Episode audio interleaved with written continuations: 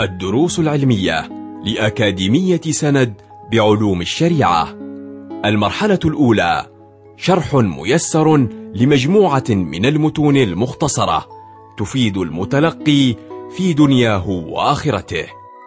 مقرر الفقه شرح كتاب الرسالة الجامعة مع الشيخ خالد بن طرش.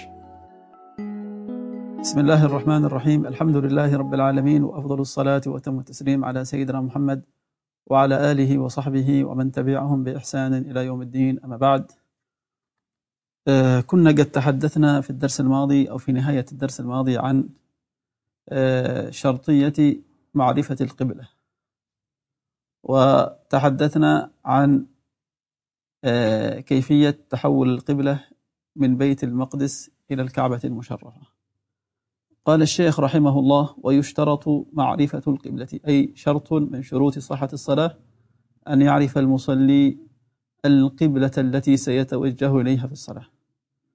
وإلا كيف سيصلي؟ إذا لم يعرف القبلة أي جهة القبلة كيف سيصلي؟ كما أنه اشترط أن يعرف آه، أو أن يعرف معرفة دخول الوقت وهو شرط من شروط صحة الصلاة.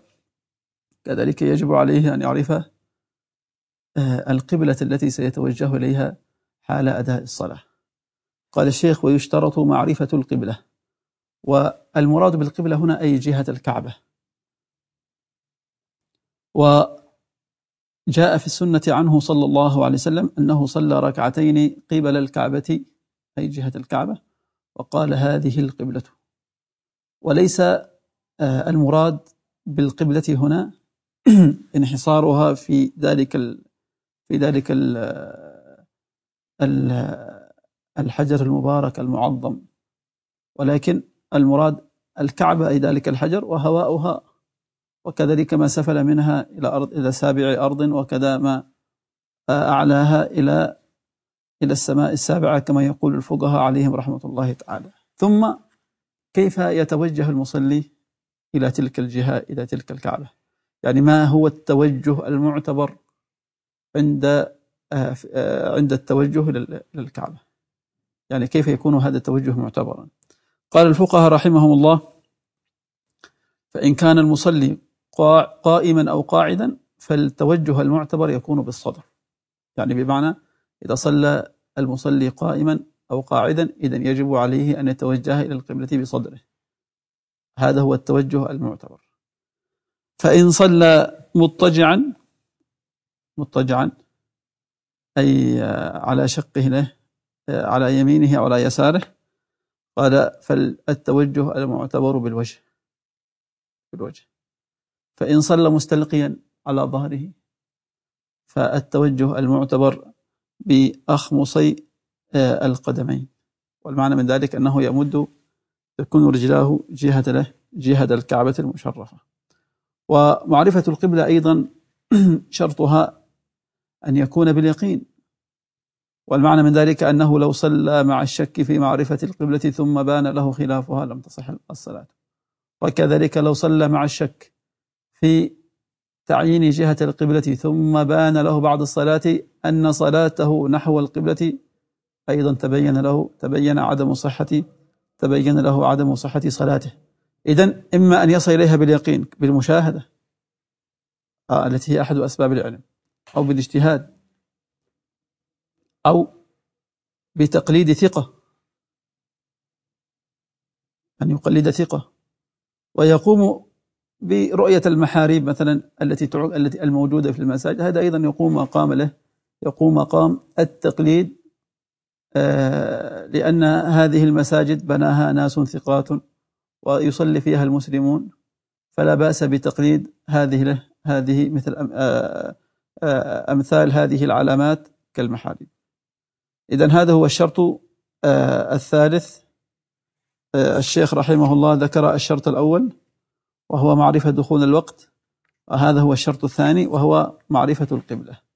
الشرط الثالث من شروط صحة الصلاة وهو ستر العورة. والمعنى من ذلك أن لا يدخل هذه الحضرة المكرمة المعظمة إلا وهو مستور العورة. والعورة المطلوب سترها في الصلاة تختلف. فليست عورة الرجل في الصلاة كعورة المرأة.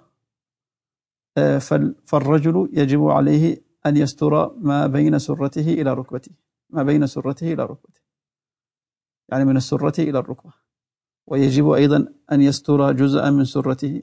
وجزءا من ركبته من باب ما لا يتم الواجب إلا به فهو واجب. أما المرأة فيجب عليها أن تستر جميع بدنها ما عدا وجهها وكفيها في الصلاة. أما جميع بدنها يجب على المرأة أن تسترها. فهذا هو الستر المعتبر هذا هو ستر العورة المعتبر في الصلاة بالنسبة للرجل وبالنسبة وبالنسبة للمرأة. والعورة كما يعرفه العلماء كل نقص أو المطلق النقص ويعرفونها في الشرع, في الشرع هو ما يجب ستره ويحرم النظر إليه ويحرم النظر إليه. لكن كما قلنا آه هذا من حيث الاصطلاح. لكن من حيث أن العورة المعتبرة في الصلاة كما فصلناه قبل قليل بالنسبة للرجل ما بين سرته وركبته ويجب أن أن يستر كما قلنا جزء من سرته وجزء من ركبته. وبالنسبة للمرأة العورة بالنسبة للمرأة جميع بدنها ما عدا وجهها وكفيها. قال الشيخ ويجب ستر العورة.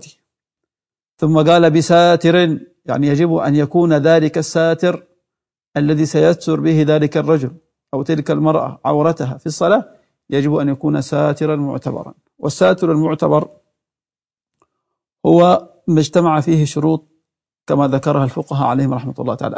الشرط الأول في هذه الساتر أن يكون جرما بحيث يمنع لون البشرة. بحيث يمنع لون البشرة أن يكون جرما. فلو جاء شخص واغتسل آه، أراد أن يصلي في ماء ماء ثخين مثلا لا ترى بحيث لا ترى عورته. فنقول هذا ليس ساترا عرفا هذا ساتر ليس معتبر أراد أن يصلي داخل جابية أو داخل آه، مسبح.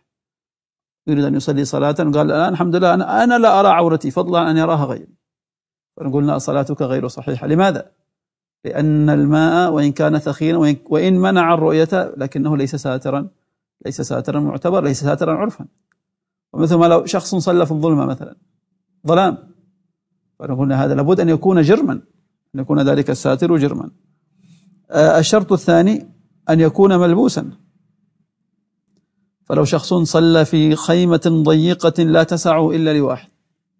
فنقول هذا ساتر غير معتبر. الشرط الثالث في هذا الساتر أن يحيط يعني أن يكون ساترا يمنع له يمنع انكشاف العورة من الأعلى ومن الجوانب لا من الأسفل. فلو انكشفت عورته من الأسفل فهذا لا يضر لكن إن رؤيت عورته ما بين سرته إلى ركبته بالنسبة للرجل أو جميع البدن المرأة بالنسبة أو جميع البدن بالنسبة للمرأة إن رؤيت عورتهما من الأعلى أو من الجوانب فهنا فهنا الستر غير معتبر ولا ولا تصح الصلاة حينئذ. أما إن رؤيت عورتهما من الأسفل فهذا فهذا لا يضر.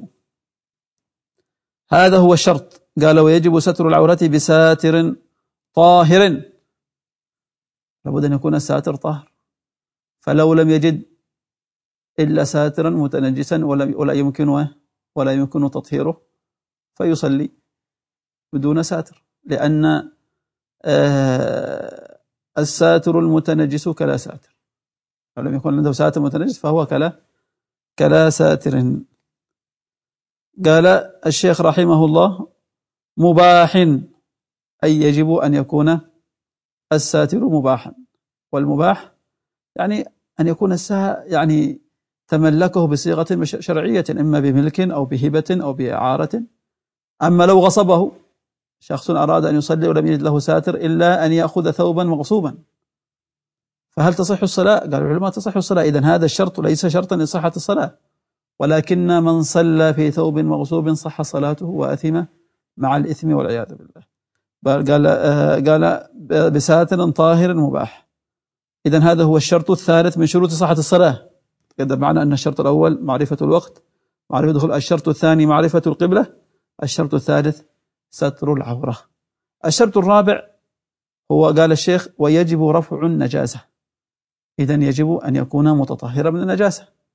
والمعنى من ذلك يجب لصحة الصلاة أن يكون خاليا من النجاسة في ثوبه وبدنه ومكانه. والنجاسة المقصود به المقصود بها هنا هي النجاسة التي لا يعفى عنها. النجاسة التي لا يعفى عنها. والنجاسة في الأصل هي كل مستقذر. ولكنها في الاصطلاح والمراد هنا كل مستقذر آه، يمنع صحة الصلاة حيث لا مرخص. كل مستقذر أو كل مستقذر يمنع صحة الصلاة حيث لا مرخص. أما لو كان هناك مرخص مثل مثل العلماء رحمهم الله أن المرخص فاقد الطهورين مثلا. شخص فقد الماء والتراب وأصابته نجاسة لا يستطيع أن يتخلص. يقول أزل عين النجاسة؟ ولكنك جاز لك أن تصلي وتسمى صلاة فاقد الطهورين حينئذ. صلاة فاقد الطهورين. وبعد ذلك عليه الإعادة كما يقرر الفقهاء رحمهم الله تعالى. قال ويجب رفع النجاسة من الثوب. والمراد بالثوب كل كل محمول للمصلي يسمى ثوبا. أه كل محمول. ما يحمله المصلي آه يسمى كل محمول ملبوس المصلي يسمى ثوبا. ولو حتى سواكا ولو حتى قلما ولو حتى قلما. ولو حتى نظارة ولو حتى نظارة فكل ملبوس وملاق للمصلي ملبوس له ومحمول له يسميه هو يدخل تحت مفهوم مفهوم الثوب. إذن يجب أن يكون طاهرا حال دخول الصلاة. هذا هو الشرط هذا هو الشرط الأول. هذا هو هذا هو الموطن الأول الذي يجب أن ينتبه له المصلي حال دخول أن يكون طاهرا في ثوبه. وكذلك أن يكون طاهرا في بدنه وكذلك أن يكون طاهرا في المكان. وسيأتي تفصيل هذه الأمور إن شاء الله تعالى مع ما بعدها. أسأل الله تعالى أن يفقهنا في الدين ويعلمنا التأويل. إنه أرحم الراحمين وأكرم الأكرمين. وصلى الله وسلم وبارك على سيدنا محمد النبي الأمي وعلى آله وصحبه وسلم. وآخر دعوانا أن الحمد لله رب العالمين. كنتم مع الدروس العلمية لأكاديمية سند بعلوم الشريعة. يمكنكم متابعة جميع الدروس عبر موقع الأكاديمية وتطبيقاتها الإلكترونية. سند علم سلوك دعوة.